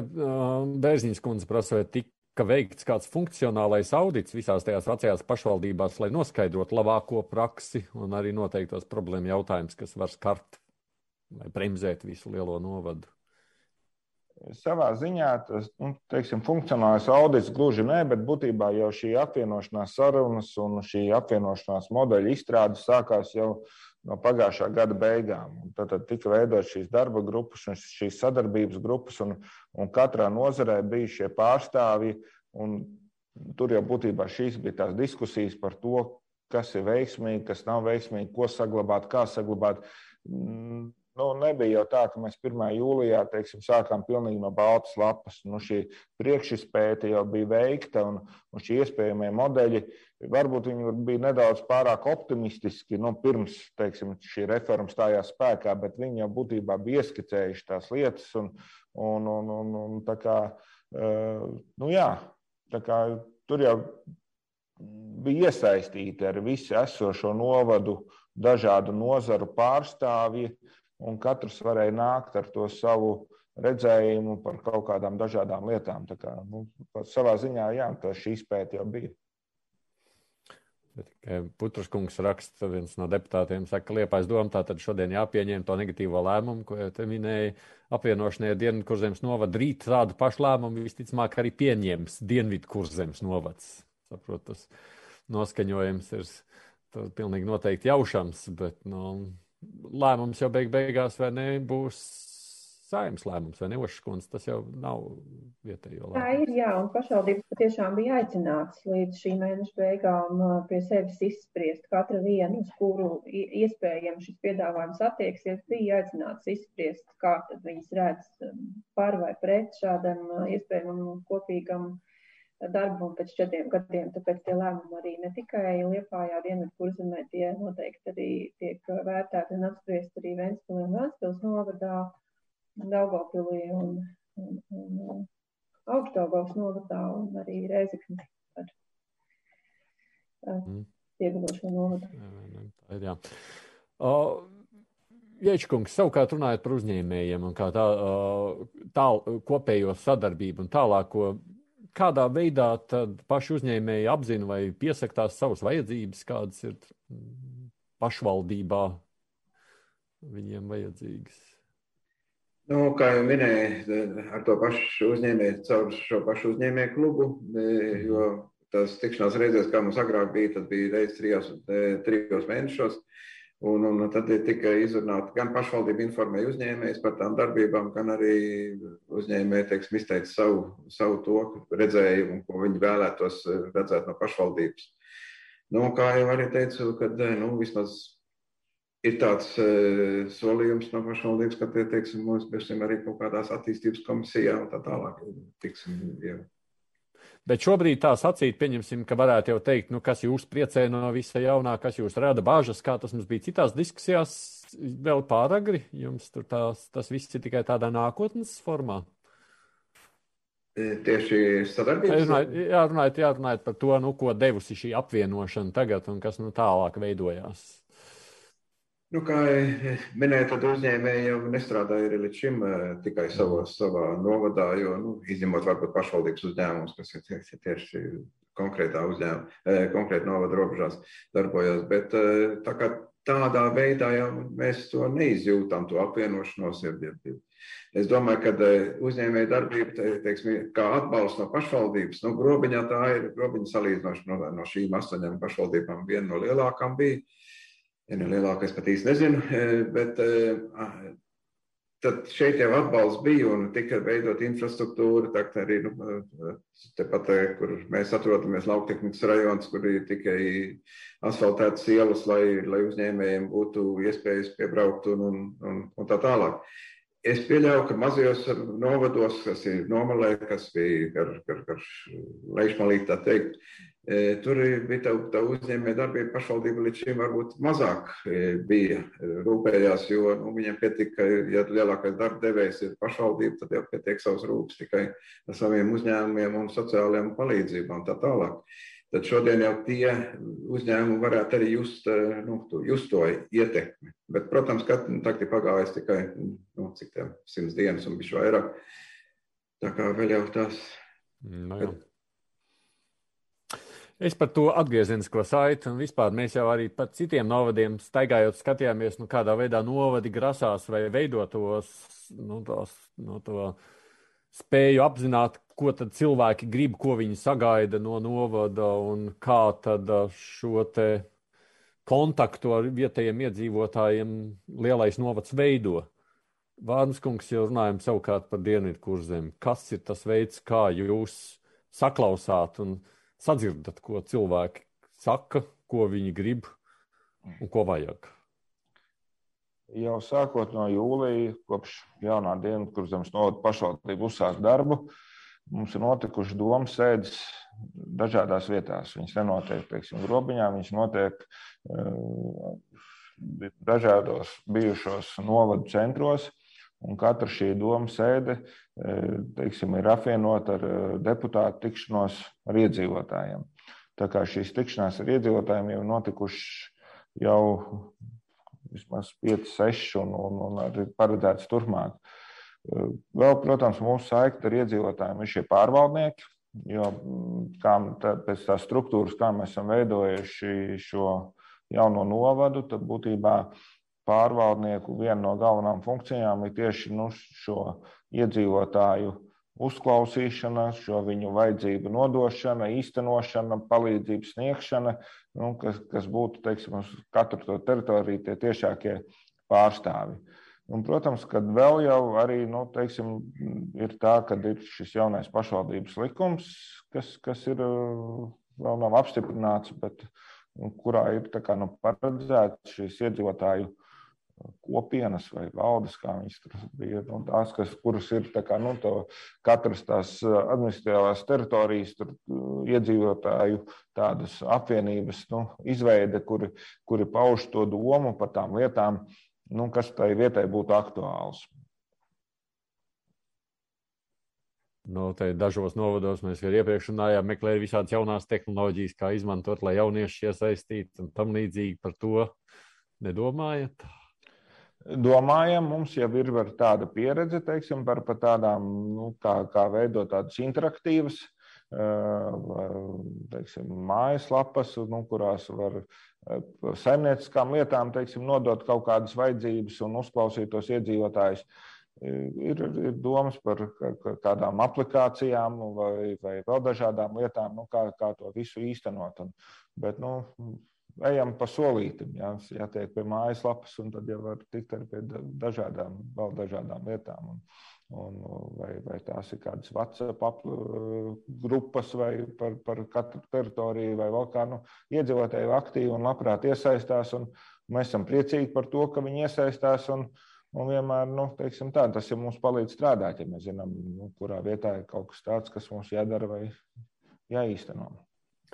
Kristīna, no otras puses, nevalstiskās organizācijas vienmēr ir kaut kā tāds, tāds mediātors reizēm starp cilvēkiem un arī pašvaldībām, jo jūs jau satiekat vairāk nekā ikdienas cilvēki. Kā jūs vērtētu to saikni un šo iespēju tagad tajā lielajā novadā uh, sarunāties starp centru un ikdienas cilvēkiem, kuriem ir vajadzības?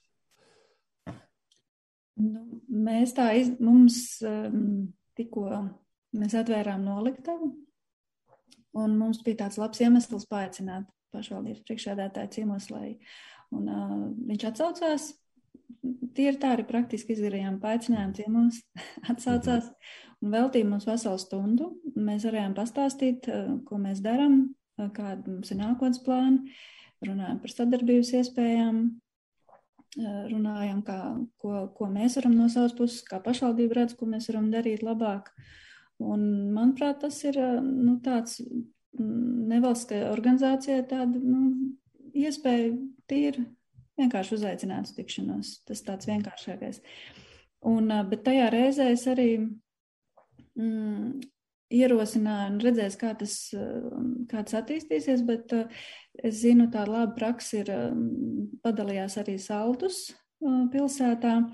Viņi rīko reizi gadā es jums nemācīšu pateikt, vai tas ir 1. novembris, tad varbūt maldos, ir mm, brīvprātīgo diena, pasaules brīvprātīgo diena, un viņi tajā dienā rīko uh, NVO tikšanās diena, kur, uh, un manuprāt, tā ir tāda laba prakse, ko varētu arī mūsu novads pārņemt, sakrā ar to, ka mēs paliekam vairāk.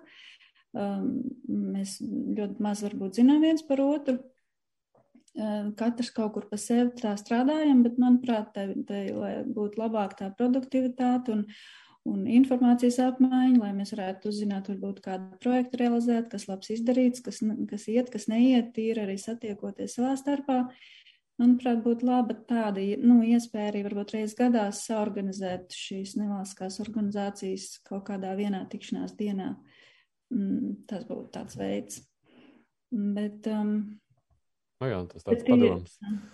padomus. Bet tīri ikdienā, nu, cik mēs arī paši esam um, gājuši vai zvanījuši vai komunicējuši, nekad nav atteikts. Un, uh, mums bija, piemēram, pavasarī pat aicinājums no pašvaldības puses, kad bija šī krīzes un ārkārtas situācija, tad bija tāds ļoti labs žests no pašvaldības puses, uh, kad uh, mēs kopīgi, Dabits sirds un pašvaldības darbinieki, saorganizējām akciju cilvēks cilvēkam Grobiņas novadā. Tur mēs tieši, tur bija tā, ka pašvaldības darbinieki ieguldīja savus privātos līdzekļus, mēs uzņēmāmies to akcijas organizēšanu un pārtiks produktu un higienas lietu iegādi. Un tur bija labs kopdarbs, pašvaldības darbinieki, policija, bāriņtiesa, bērndārs vadītāji, nu, dažādi nozaru darbinieki nāca pakoja ieguldīt to savu laiku, pakas uh, tieši varbūt tām ģimenēm, kur uh, skāra krīze visvairāk, kur nesaņēma kādas pašvaldības vai valsts uh, atbalsta kaut kādas līdzekļus. Un tur mēs varējām palīdzēt vairāk kā 300 ģimenēm. Tā bija tāda laba. Bet, par, par uzņēmējiem runājot, tur mazliet cita tā situācija, bet, ja runājam par nevalstiskām organizācijām, es jau pieļauju, nu, ka nu, Labi, jūs darbojaties vairāk grobiņas novadā, un gan jau kādos citos novados, nu, līdzīgi jau bija tie cilvēki, jeb organizācijas, kas palīdzēja. Nu, jūs tagad vēl tikai apzināti satiekaties, varbūt sapazīsiet. Jūs neredzat par iespēju konsolidēties, nu, teiksim tā, veidojot kaut kādas tādas kopīgas, nu, aktivitātes ar, ar citu jā, novadu līdzīgām organizācijām. Jā, mums, piemēram, jā ir tāda tagad saliedēt, manuprāt, vai nu, ir organizācija viena, kas tieši atbalsta jauniešu vīrus, tēvus, un viņi rīko dažādas aktivitātes viņiem. Un, mm -hmm. un, nu, tīri, ja viņi pirms tam darbojās Pāvlos novadā kā organizācija, tad um, tagad mēs redzam, mums būtu varētu būt vieglāk kaut kādas kopīgas aktivitātes rīkot. Rī, jā, Um, mm. kā, un arī tieši labdarības jomā es, es domāju, noteikti tas būtu noteikti jādara, kad uh, mēs neesam ne, ne konkurenti, ne, nekādā ziņā, ne, bet tieši otrādi, nu, kā viens otram varētu palīdzēt labāk, lai, jo tas atbalsts jau vajadzīgs ir tiem novadu cilvēkiem skatos, ko no visa tā, ko es, kas nāk arī no jautājumiem, šoreiz diezgan padaudz jautājumu, ko nu mēs paspētu tur visu uzjautāt. Tā, varbūt Vārns kungam tieši viens konkrēts jautājums no rases vai darbs Dienvidu kurzemes novada atradīsies arī tiem darbiniekiem, kas šobrīd ir bērnu kopšanas atvaļinājumā. Bet vienīgais jautājums pie izvērtēšanas ir par izglītību. Es to jautāju, jo izpildirektors minēja, ka tomēr ir arī citi faktori darba turpināšanai novadā, bet par prombūtni esošajiem info ir tikai par izglītību. Katrā ziņā bērnu kopšanas atvaļinājums nevarētu būt par iemeslu, lai neturpinātu darba attiecības jaunajā dienas kursams novadā. Tad būtu darba likumdošana jau eh, ļoti konkrēti aizsargā šos darba ņēmējus. Un, un, nu, nu, nu, nē, protams, tas nav iemesls, lai neturpinātu darbu jaunajā struktūrā. Tā kā, tā kā izvērtēšanā tiek ņemts vērā gan izglītība, gan darba pieredze, gan papildu izglītība, gan uh, kādi kursi apmeklēti. Nu, tur ir daudz dažādi faktori, ja, un, un kādas, kādi, kādi bija šie darba pienākumi. Kā, nu, mm. jā, atbilde, ka tas nebūtu iemesls, lai, lai teiksim, neturpinātu darbu jaunajā nodā. No, Jā, es tikai gribēju teikt, ka šie bija īstenībā arī ļoti aktuāli jautājumi pašvaldībām vēl pirms reformas. Un, um, toreiz um, ministrija strādāja pie metodikas diezgan plašu jautājumu loku, aptverot gan tādus, kas ir mūsu, gan tādu, kas ir ārpus mūsu kompetences. Un, uh, ir pašvaldībām metodikā iekšā arī sadaļa, ko mēs kopā ar darba inspekciju un uh, labklājības ministriju gatavojām tieši par šo te darbinieku.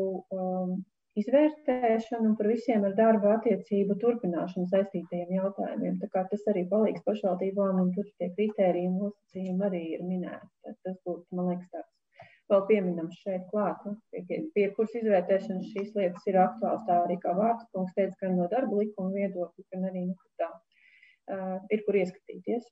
Paldies.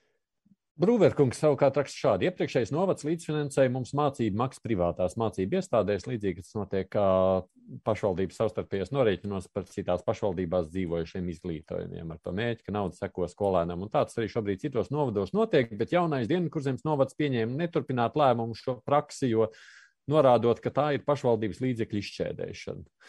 Un te nu tas jautājums, vai tad līdzīga attieksme ir gaidām arī citās jomās - NVO atbalsta programmu neturpināšana, vēsturisko ēku atbalsta programmu neturpināšana un citi. Pēc kādiem principiem jūs nosakāt, jā, ko turpināt, ko nē, no esošajiem? Mm, varbūt, ka tas ir bišķiņ pārprast lēmums par šo neturpināšanu, -hmm. jo es pieļauju, ka visi šie atbalsti gan šīm mācību iestādēm, gan šīm NVO Viņa varētu būt vienkārši tā, ka mēs šobrīd mums nāk dažādas tā, tās prakses no dažādiem novadiem. Ja. Ir kādas lietas, kas kādos ir bijušas iestrādātas un kādos nav iestrādātas. Bet, protams, ka mums jāsāk strādāt kā vienai pašvaldībai, un mums jāiet uz vienotiem spēles noteikumiem, gan pret NVO, vai uzņēmējiem, vai, vai privātām mācību iestādēm. Un tāpēc es domāju, ka, ka tas viss varētu atrisināties ar to, ka tiks pieņemta kāda jauna kārtība, kas attieksies uz visu novadu kopumā. Ja?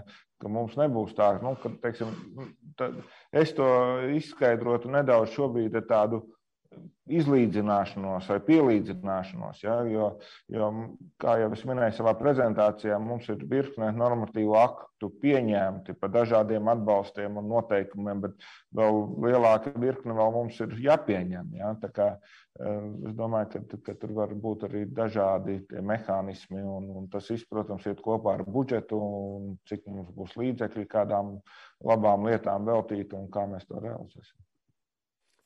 Nu, te ir vēl viens komentārs, un tad ir jautājums.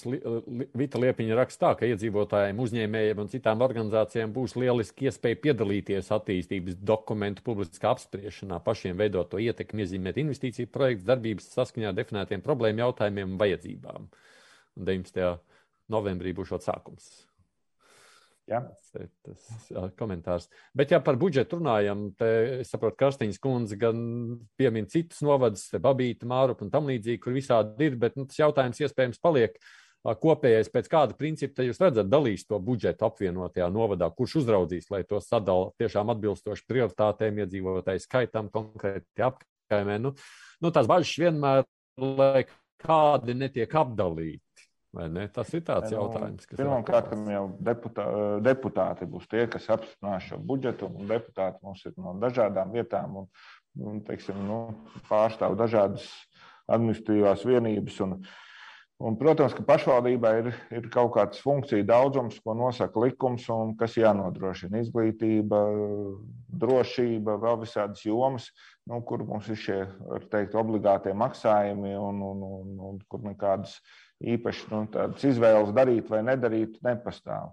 Nu, pēc tam, kad redzēsim, nu, cik ir tāds, tādi līdzekļi, ko var veltīt kādiem atbalstiem, vai, nu, vai projektiem, vai īstenošanai, vai vēl kaut kas, nu, tad, protams, ka nu, būs tās komitejas, būs deputāti, nu, kuri lems un, un, un kādā secībā, nu, ko darīt un kur šo naudu ieguldīt. Bet tā skatoties no jūsu novada, jūs pat kas tās lielākais izaicinājums tagad pēc šo apvienošanas ir lūkojoties tīri pa jomām? Tā būs izglītības joma, kas prasīs lielākas jomas, nezinu, ceļu sakārtošana, infrastruktūra, sociālā palīdzība. Kas būs tas, kas radīs tos būtiskāko izaicinājumus?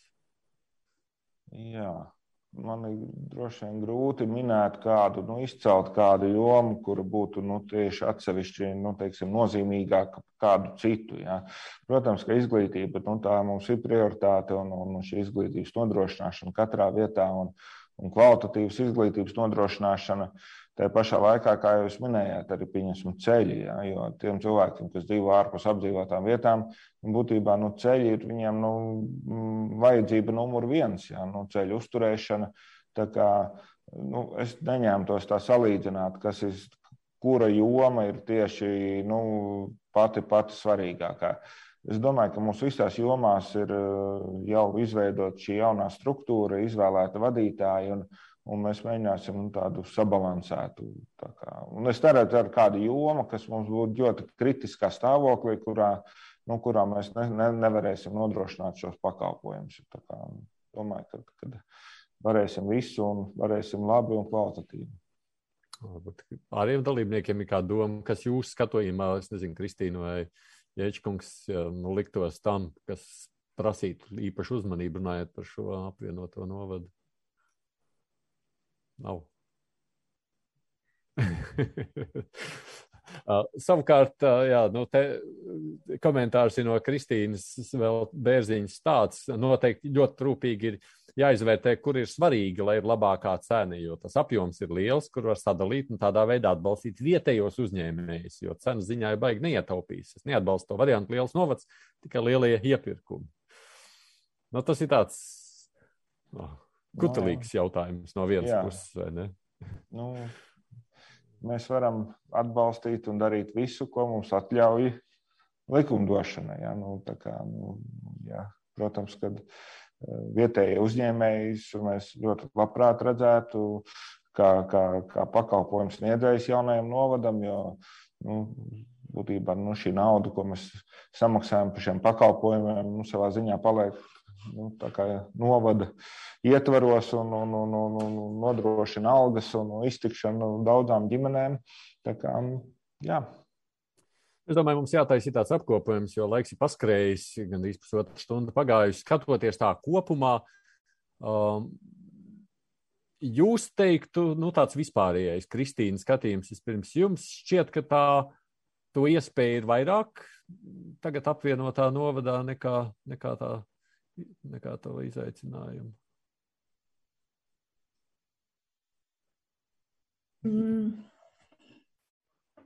Labdarības organizācija varbūt tās mēs neredzam, nu tā, tā palīdzības sniegšana varbūt nav kā iespēja. Tā ir kaut kur būt līdzās, būt tajās īslaicīgā vai ilglaicīgā krīzes situācijā ar kaut kādu atbalstu.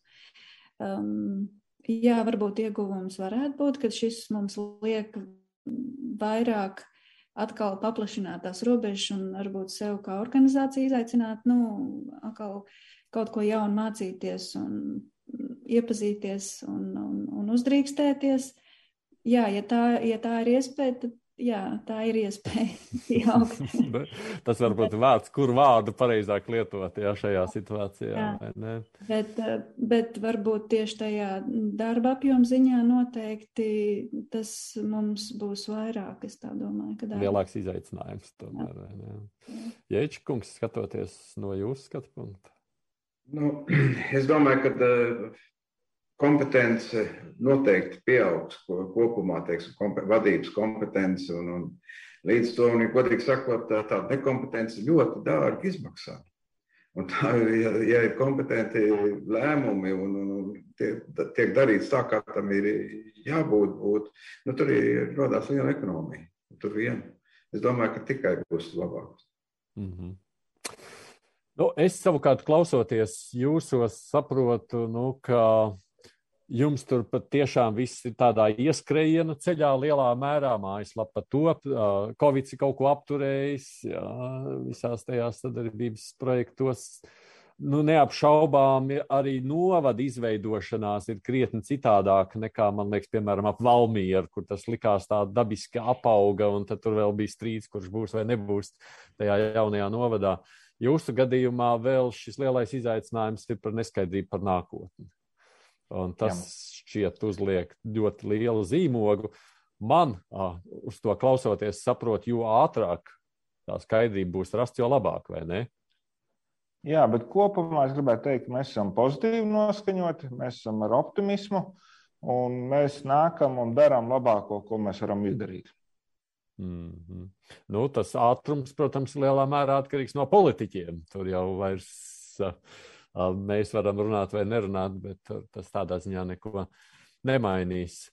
Nu, ko es jums novēlu, jums tur izdodas šajā virzienā doties. Skatīsimies, protams, ko politiķi lēms runājot par šīm valsts pilsētām un to iespējamo apvienošanos ar tuviem reģioniem. Nu, te vēl būs jāšķēpa laust neviens vien. Es gribu jums teikt paldies par to, ka veltījāt laiku un piedalījāties. Uldis Vārni ir Dienvidu kurzemes novada pašvaldības izpildirektors. Tiem klausītājiem, skatītājiem, kas mums šeit sūtīja jautājumus, ko nu paspējām, to uzdevām, bet es redzu, ka arī šie jautājumi rāda, ka tas ieskriešanās laiks vēl viss notiek. No vidas aizsardzības reģionālās attīstības ministrijas valsts sekretāra vietniece reģionālās attīstības jautājumos Ilza Oša Tā bija, tā bija tas sirds izveidotāja, tā ir Kristīgā labdarības biedrība Kristīna Vidzeniece un Grobiņas SPMK valdes loceklis Ilgons Ēčs. Paldies jums par šo veltīto sarunu. Uh, nu, mums jau tā tad jāsaka, uh, paldies ministrijai arī par iespēju šo te vairāk nedēļu garumā apciemot tos jaunizveidotos novadus, lai redzētu un saprastu, kas notiek. Uh, kā tās jaunās vietvaras strādā, lai izmanto tās iespējas, ko dod lielākas pašvaldības. Mums bija iespēja redzēt tiešām to noskaņojumu dažādo, cik reizēm līdzīgs un tomēr arī atšķirīgs, dažādas situācijas Latvijā. Tā viena lieta ir skaidra, visur jau viss ir procesā šobrīd, bet tas ir tas process, kas turpināsies arī nākotnē, un īpaši mēs redzam Dienvidu kurzemē, kur viss vēl jautājumu zīmēm daudzām. Kurzemnieku, lai jums izdodas, lai izdodas ikvienam Latvijā Paldies jums par sarunu un saku satikšanos vai saredzēšanos.